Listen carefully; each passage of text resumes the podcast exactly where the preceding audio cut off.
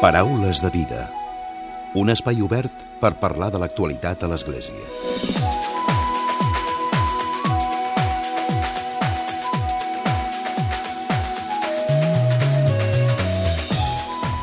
Què tal? Salutacions i molt bon dia, molt bon diumenge. Mans Unides Barcelona ha posat en marxa recentment, amb el suport de l'agència digital Eleven AdWorks, una iniciativa que té per títol El Supermissioner, amb l'objectiu d'amplificar la tasca que fa arreu del món aquesta organització i també fer visible la feina que fan herois anònims i invisibles pel gran públic, com poden ser el pediatre Iñaki Alegria o bé la monja teresiana Vicky Molins. De fet, l'Iñaki és una de les cares conegudes d'aquesta campanya. Ell fa molts anys que desenvolupa la seva tasca a Etiòpia, concretament a l'Hospital General Rural de Gambo, del qual n'és el seu director mèdic.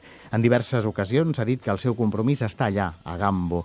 Des d'allà i a través de l'ONG Alegries Sin Fronteres desenvolupa diferents projectes, com per exemple els que faciliten l'accés a la salut o els que combaten la desnutrició infantil.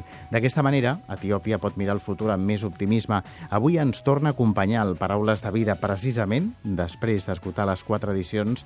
Mans Unides llança també una nova edició, la cinquena del llibre Alegria con Gambo. Aquesta nova versió coincideix amb la implementació d'un projecte de salut materno-infantil a l'Hospital General Rural de Gambo.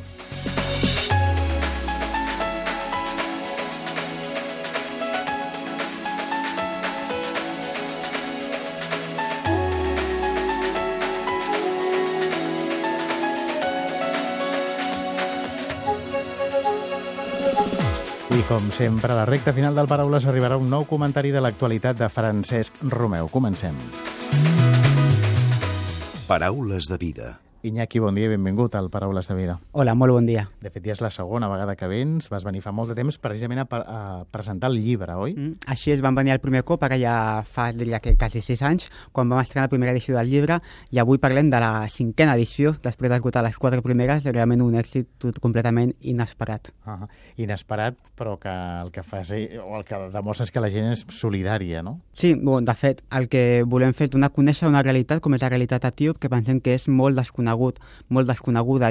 Llavors és un llibre vivencial, testimonial, que explica les meves reflexions personals sobre la duresa de la vida en el dia a dia en la rural d'Etiòpia, però també el, el desconeixement que tenia o els mites, estereotips que tenia preconcebuts abans de marxar a Etiòpia i el gran descobriment d'un país, d'una gent que pensem que és molt interessant donar-la a conèixer. Uh -huh. Ara aquests dies estàs aquí a Barcelona, en aquest cas també per donar suport a Mans Unides a aquesta iniciativa que fan a través del món digital, uh -huh. que el que parla és de la campanya El Supermissioner. Així és, en Mans Unides hem llançat aquesta campanya, que és una campanya que pretén transmetre uns valors, uns coneixements, apropar aquesta realitat etíop el títol, des del meu punt de vista, no m'agrada, perquè no em considero cap supermissioner ni molt menys, al cap al contrari, considero una persona normal, sóc un simple pediatre, com molts altres que hi ha a qualsevol país del món, i l'únic que faig és anar a Etiòpia a treballar en una zona que en aquest cas és, és necessitada, però considero sobretot una persona normal, però sí que vull aprofitar aquesta oportunitat per apropar la realitat, com viu aquesta gent que, per desgràcia, és poc coneguda en aquest entorn. Per tu potser no, no ets un supermissioner, però per molta gent, eh, i sobretot la gent que es beneficia de la teva tasca, de la teva, de la teva feina diària en allà, sí que ets una persona important, no? Mm. Bé, per mi el, el millor reconeixement és el reconeixement d'una mare, és el somriure d'una mare de veure tenir en els seus braços el seu fill viu ja que aquesta és una de les principals causes que volem, és un dels principals motius pels que volem lluitar per, contra la desnutrició, contra la mortalitat neonatal, la mortalitat materna. I aquest és un dels orígens d'aquest nou projecte, el, el projecte materno-infantil, ja que, com comentaven, una de les coses més, més dures, més impactants que, que he viscut allà és el fet de, de veure morir una mare en el moment de donar llum, en el moment del part, i de veure néixer nou nats, ja nascuts morts o bé que moren a les primeres hores de vida, que són morts evitables, que aquí a Catalunya hem aconseguit evitar-les, doncs pensem i volem fer-ho també també a Etiòpia. I és que una de les coses més, més dures és a la sala de parts, a la sala de maternitat de Gambo, allà les mares el que fan és estar pregant a Déu, preguen a Déu per no morir-se, perquè la... totes han tingut algun familiar, alguna persona coneguda que s'ha mort en el moment del part, donant a llum un nen viu que ja és, ja és orfe o bé un nen que neix també mort. I és que hi ha una, en aquella zona pràcticament absència total del seguiment de l'embaràs, de manera que no es poden detectar a temps les complicacions, provocant un desenllaç completament dramàtic. I és el que volem evitar, ja que es pot fer, es pot evitar. Uh -huh. Després parlarem també més, més abastament de la feina que l'Iñaki des de fa uns, uns anys fa allà a Etiòpia, a Gambo, però parlem de, de la campanya. De fet, és una campanya, com deien, digital, que la gent el que pot fer, Mans Unides el que vol és que la gent faci com una mena de joc, no?, per comprovar que amb una sèrie de preguntes si podrien ser també mm -hmm. persones que s'entreguen als altres, no?, que es lliuren als altres. Mm -hmm doncs, efectivament, pretenem transmetre sobretot una sèrie de, de valors. Volem que la gent pensi, reflexioni sobre com és la vida aquí i com és la vida uns altres països. També persones que hem tingut la sort de néixer aquí o bé en els moments actuals de viure aquí amb, unes, amb uns privilegis, que aquests privilegis és a la vegada una gran responsabilitat que si en el meu cas, si parlo ara mateix del meu cas concret, he, he nascut a Barcelona en una bona família, no he tingut cap mena de, de problema, he pogut estudiar el que he volgut, que en aquest cas és Medicina, i penso que això és, una, és un privilegi, és un privilegi molt gran que he tingut, i a la vegada una gran, una gran responsabilitat també molt gran. Penso que aquest coneixement que he pogut adquirir Ara és el moment de tornar-lo a la societat, sobretot a aquelles zones més necessitades. I pretenem amb aquesta campanya que la gent també pensi, reflexioni sobre els privilegis que tenim aquí, que és bo aprofitar-los, però ser responsables. I ser responsables i potser utilitzar-los per fer un món millor. Uh -huh. Iñaki, quant de temps fa que, que estàs a, a Gambo, a Etiòpia? Doncs el primer cop que vaig arribar fa ara ja més de sis anys que era encara estudiant de, de pediatria. Vaig anar com una estada voluntària per aprendre, per formar-me en un tipus de pediatria diferent a la que tenim en aquest país. I el que havia de ser una estada de quatre mesos es va convertir en un canvi de vida. I això va ser degut en gran part primer per la gran acollida que vaig tenir allà per part de tota la comunitat de Gambo, la comunitat local, etíop, que em van obrir els braços, em van fer sentir com a casa en tot moment, però també lligat a la necessitat que vaig veure un hospital que estava fent una feina increïble, però que estava a punt de tancar. Estava a punt de tancar les seves portes. Un hospital missioner que, van, que porten els, els missioners de l'ordre missionera de la Consolata, que estan patint una greu crisi econòmica que s'estaven plantejant en aquell moment molt seriosament tancar l'hospital. Llavors em van contactar, vaig tenir la possibilitat de si és el moment de fer tot el possible perquè l'hospital no tanqui. Llavors a la tornada vam muntar la ONG, vam fundar la ONG Alegria Sin Fronteres per, men, per tal de poder canalitzar l'ajuda a través d'aquesta institució i poder-la enviar a Gambo per donar aquest suport econòmic. Això, per desgràcia, no va ser suficient i va ser el que em va fer, sense cap mena de dubte, canviar l'estil de vida i prendre la decisió d'anar d'anar a Etiòpia, prendre la direcció mèdica de l'hospital i amb un nou director gerent de l'hospital i jo al capdavant de la direcció mèdica donar viabilitat a aquest hospital, és a dir, fer tot el possible, actuar en aquest, en aquest estat d'emergència fer tot el possible perquè l'hospital no tanqui les, les seves portes per salvar l'hospital de Gambo. Uh -huh.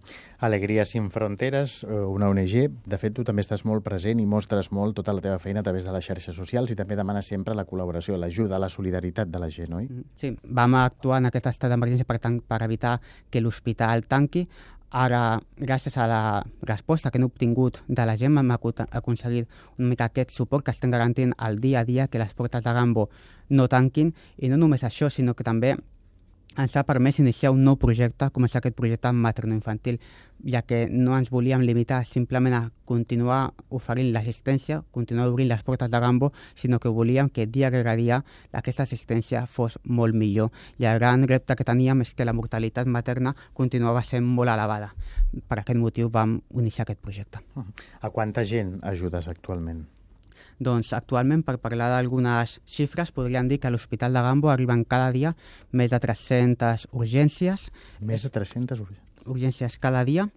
Tenim 200, 200 llits, dels quals 100 són de pediatria, amb una unitat, una unitat nutricional, sigui, nens amb desnutrició aguda severa que ocupen uns 40-50 llits segons, segons l'època. Molts cops ens hem vist superats també i hem hagut de posar llits supletoris pels passadissos compartir, han de compartir llit els nens, i, o sigui, nens i nenes al, al mateix llit, posant dos o tres nens a cada llit per la falta per la falta d'espai i s'estan augmentant els serveis de maternitat arribant a uns 120, més de 120 parcs al mes últimament. déu nhi no? Uh -huh.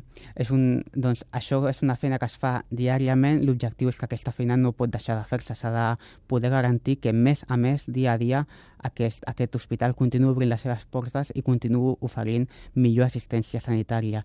I és, la, és el repte que m'he proposat com a director mèdic, que no només això, sinó també al cap o sigui, al cap del Departament de Pediatria i de tot el Departament Materno-Infantil, però sobretot eh, el que també vull transmetre és que jo no vull, jo no vull salvar vides.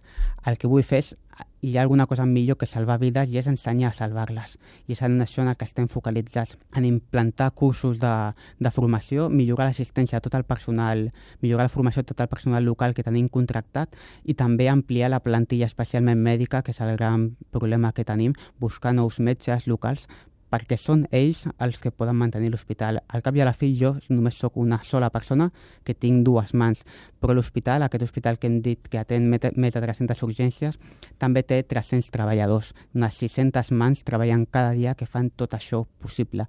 La gran part són persones humils, auxiliars, alguns infermers i escassos metges. Per tant, veiem que estan donant el millor de si dia rere dia i veiem infermers fer una feina realment espectacular. És a dir, que el repte més immediat seria també aquí el poder comptar més metges. Mm. Sí, el problema que tenim és que pagar un metge, un sou d'un metge etíop és bastant, és bastant elevat i degut a l'escassetat de recursos econòmics no ens ho podem permetre. Per aquest motiu tenim, tenim pocs i molts que també depenem d'alguns voluntaris, però sobretot el nostre repte és apostar pel futur, apostar pel futur de l'hospital, però també d'Etiòpia i pensem que el millor futur és millorar l'educació, l'accés a l'educació i formar bons professionals locals que siguin capaços d'oferir aquesta, aquesta assistència sanitària al seu poble, al seu, al seu país. Uh -huh. Des que tu vas arribant allà fins ara, com, o quina evolució has notat o quins canvis has notat, sobretot a la zona en la que tu actues i amb la gent que, que tu t'hi relaciones? Uh -huh. O sigui, el fet de portar ja més de 3 anys vivint en aquesta àrea fa que tota la gent et, et conegui, tu coneguis a la gent i sigui molt més fàcil tot el tracte, tota, tota la relació, la manera, la manera de treballar i molt més fàcil implantar també els nous cursos de formació, protocols, algoritmes i la resposta que estem obtenint de la gent realment és, és espectacular. I destacaria sobretot la millora de la qualitat assistencial.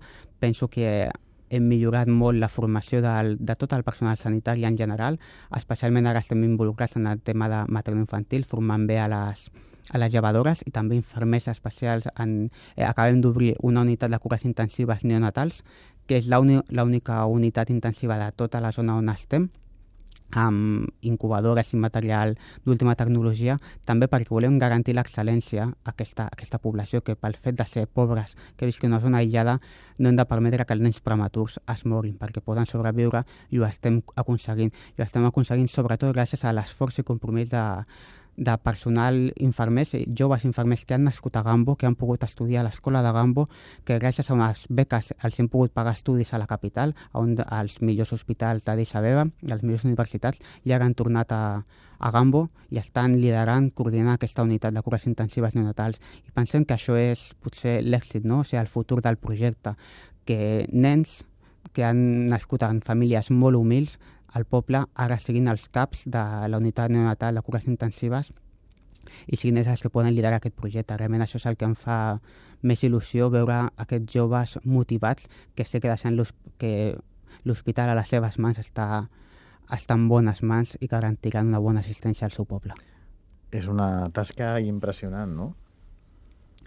Bé, com he, com he comentat, per mi el millor reconeixement és veure el somriure d'aquestes mares i també el somriure i agraïment d'aquests infermers que han, que han vist com molts també fins i tot naixien de fills amb lepra, totalment marginats, aïllats, que en principi estaven condemnats a passar-se la vida anant a recollir aigua conreant al camp, però que gràcies a aquest projecte doncs, han pogut estudiar, han pogut estudiar en aquest cas infermeria, aconseguir una beca per anar a la capital, tornar i ara ser infermers a l'Hospital de Gambo, que ells també són els primers que senten feliços de poder millorar la vida del seu, dels seus pobles. Pensem que això és, el, és la millor manera de desenvolupar, uh -huh. desenvolupar una zona. A més a més, com dèiem, a banda de les xarxes socials, tens una pàgina web on expliques el projecte, on expliques tot el que estàs fent i fins i tot compartint reflexions, no? Exacte, De sí. manera habitual. Es tracta d'un blog personal de pàgina web cooperacióamalegria.com que és un espai de, a nivell de blog personal explico aquestes reflexions, com és el dia a dia vivint, vivint allà. Són, són dies, sobretot, la feina, són dies molt durs, molt intensos, i tot això va néixer perquè al principi els sentiments són realment molt exagerats. En un mateix dia passa d'una alegria immensa perquè s'acaba de recuperar un nen que et pensaves que s'anava a morir, però també de la tristesa absoluta perquè s'acaba de morir un nen que no s'hauria de morir un nen per desnutrició, per falta de menjar, per una malaltia evitable que es podia haver, evitat amb una vacuna, com és el cas del sarampió, de meningitis, que veiem allà, o mares que estaven donant a llum i s'ha mort el nen a les poques hores de néixer. Tots aquests sentiments et provoquen una ràbia, una impotència extrema. I això feia que a les nits, després d'aquests dies tan intensos, mmm, em, anava al llit totalment esgotat, però no em podia dormir. Era impossible dormir-me, tancava els ulls i pel meu cap no paraven de passar les imatges dels nens i nenes que teníem ingressats a la unitat de desnutrició, a pediatria, a materno-infantil, tots aquests nens que durant el dia estaven en la seva evolució, que em preocupava, era impossible a poder conciliar la son. Doncs en aquestes nits m'aixecava, agafava un paper, agafava un llapis i expressava aquests sentiments, aquests sentiments d'angoixa, de tristesa, de, de patiment, també d'alegria, d'esperança, de lluita. O sigui, aquests sentiments contradictoris feia com un buidatge emocional vaig començar a escriure, després vaig començar i vaig començar a publicar en aquest blog i això va ser l'origen del blog, d'aquests sentiments, aquesta necessitat que després, a poc a poc, anava explicant també com és la vida vida al poble de, de Gambo, d'Etiòpia, volia barrejar aquests sentiments personals amb apropar la realitat d'altres països, com aquest cas d'Etiòpia. I el llibre també va néixer com una selecció i un recull d'aquests escrits del blog. déu nhi la feina. La gent que avui t'estigui escoltant el Paraules de Vida i que vulgui col·laborar amb tu, què ha de fer? Bé, doncs els diria d'entrada eh, visitar la pàgina web cooperacióamalaria.co que explica les diferents maneres de col·laborar i expliquem també les darreres novetats. De, o sigui, expliquem el que estem aconseguint amb aquests donatius. Som completament transparents, volem justificar tots els diners que ens arriben, els invertim 100% allà, ve- veure el- els resultats amb vídeos, imatges, xifres, tot molt ben documentat, així com a les webs de la ONG Alegries Sin Fronteres, alegriasinfronteres.org, i també al projecte materno-infantil que s'està donant suport Mans Unides. També a les xarxes socials personals meves d'Iñaki Alegria, com Facebook, Twitter, així com les d'Alegria Sin Fronteres i Mans Unides. Totes aquestes pàgines web i xarxes socials trobareu les darreres novetats, informació actualitzada amb escrits, escrits més personals, escrits més prof professionals, amb xifres, tota mena de documents, imatges, vídeos, de manera que volem ser el més transparents possibles i també trobareu el meu contacte personal de qualsevol dubte concret em podeu escriure que estic a la vostra plena disposició. Mhm. Fa dues setmanes ens acompanyava també en Jaume Sant Llorente, eh, periodista i fundador de Sonrises de Bombay, i li preguntava Iñaki si ell tornaria a Barcelona algun dia. Em va dir que ell la seva vida la tenia a Bombay, no? amb tota la feina que també fa des d'allà, important tasca que fa des d'allà solidària. La teva està allà, està aquí. La meva vida està allà, però no vull ser un heroi, no vull que la gent d'allà depengui de mi. Penso que el futur està a les seves mans i per mi el millor regal és veure com l'Hospital de Gambo el dirigeix un jove o una jove, una dona jove etíop. Penso que això és el millor poder delegar, poder posar en mans d'uns altres, en mans local, que així neix els autèntics herois anònims i jo passar a segon pla. Iñaki, gràcies com sempre per haver-nos acompanyat i un plaer. Moltíssimes gràcies. Paraules de vida. Un espai obert per parlar de l'actualitat a l'Església. I tot seguit arriba el comentari de l'actualitat de Francesc Romeu. Francesc, molt bon dia. Molt bon dia a tothom. Des de diumenge passat, 14 d'octubre, tenim set nous sants per celebrar.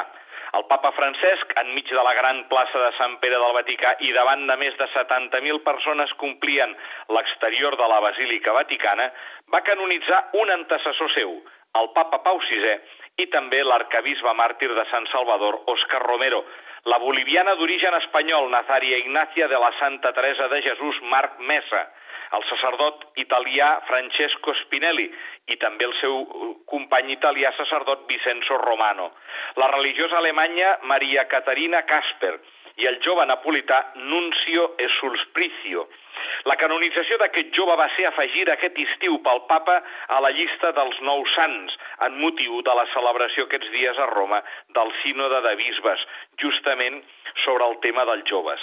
Aquest jove italià, nascut a Itàlia al 1817, durant la seva infantesa va patir les conseqüències de la pobresa, la malaltia i el maltractament, especialment pel seu oncle matern.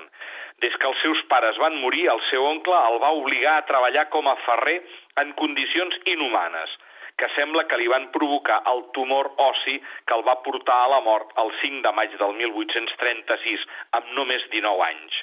Com molt bé va dir el papa francès, tots aquests sants han sabut aplicar la paraula de Déu en la seva vida.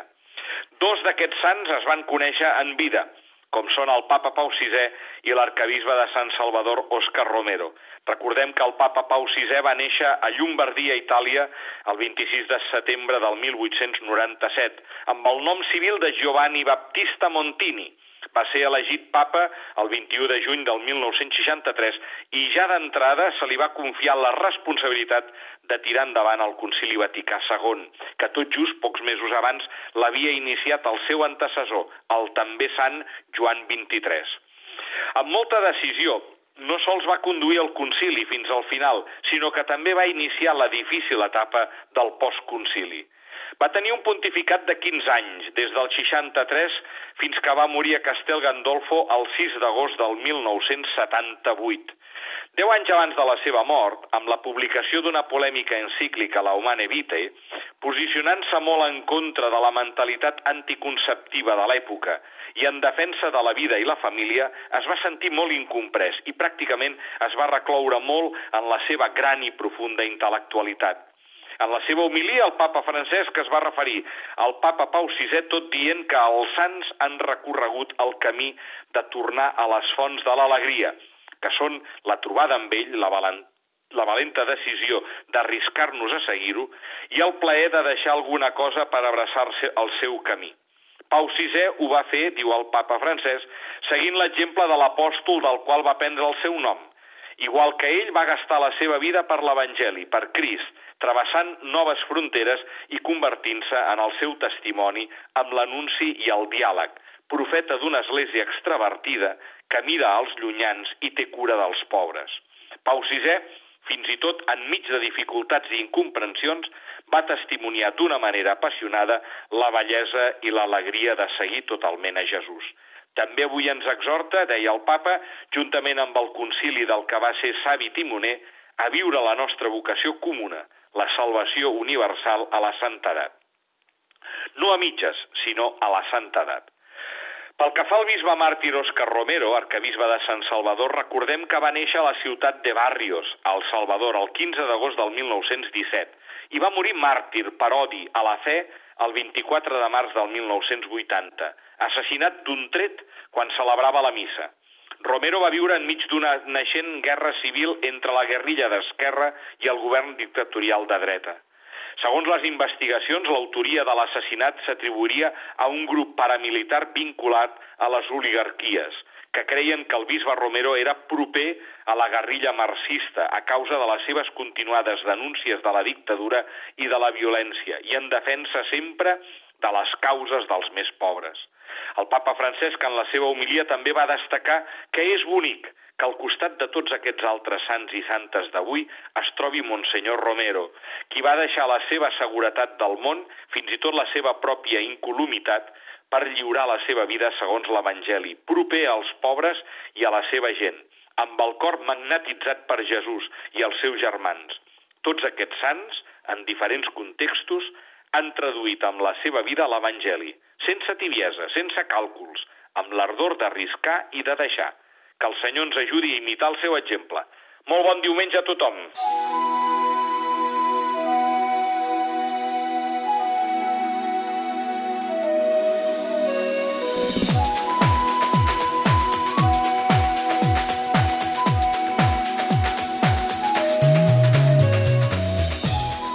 Aquí el Paraules de Vida d'aquesta setmana. L'Eduard Nas ha estat al control tècnic i qui us ha parlat l'Emili Pacheco. Que passeu bon diumenge i una molt bona setmana.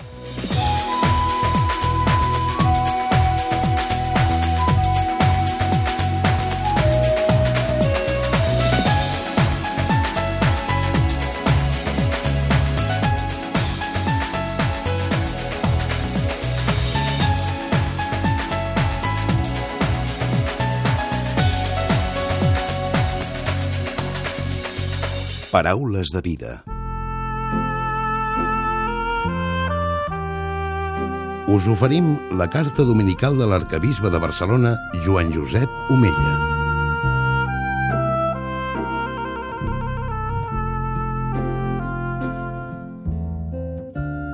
Déu vos guard. El penúltim diumenge d'octubre se celebra a tot el món la Jornada Mundial de les Missions, el Domund. És el dia en què, d'una manera especial, l'Església Universal prega pels missioners i col·labora amb les missions.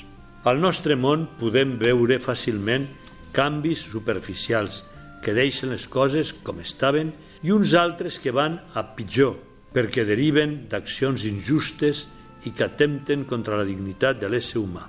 Davant d'això, els missioners ens demostren que és possible un canvi a millor, profund i real – D'aquí el lema d'aquest any, Canvia el món. Aquesta realitat l'he pogut tornar a comprovar aquest estiu a Madagascar, on he passat gairebé dues setmanes compartint la vida amb els bisbes, sacerdots, religiosos i poble de Déu de la diòcesi d'Ambanza i Diego Suárez, situades al nord d'aquesta illa africana amb una superfície una mica més gran que la d'Espanya. El motiu del meu viatge era predicar exercicis espirituals als sacerdots d'ambdues diòcesis.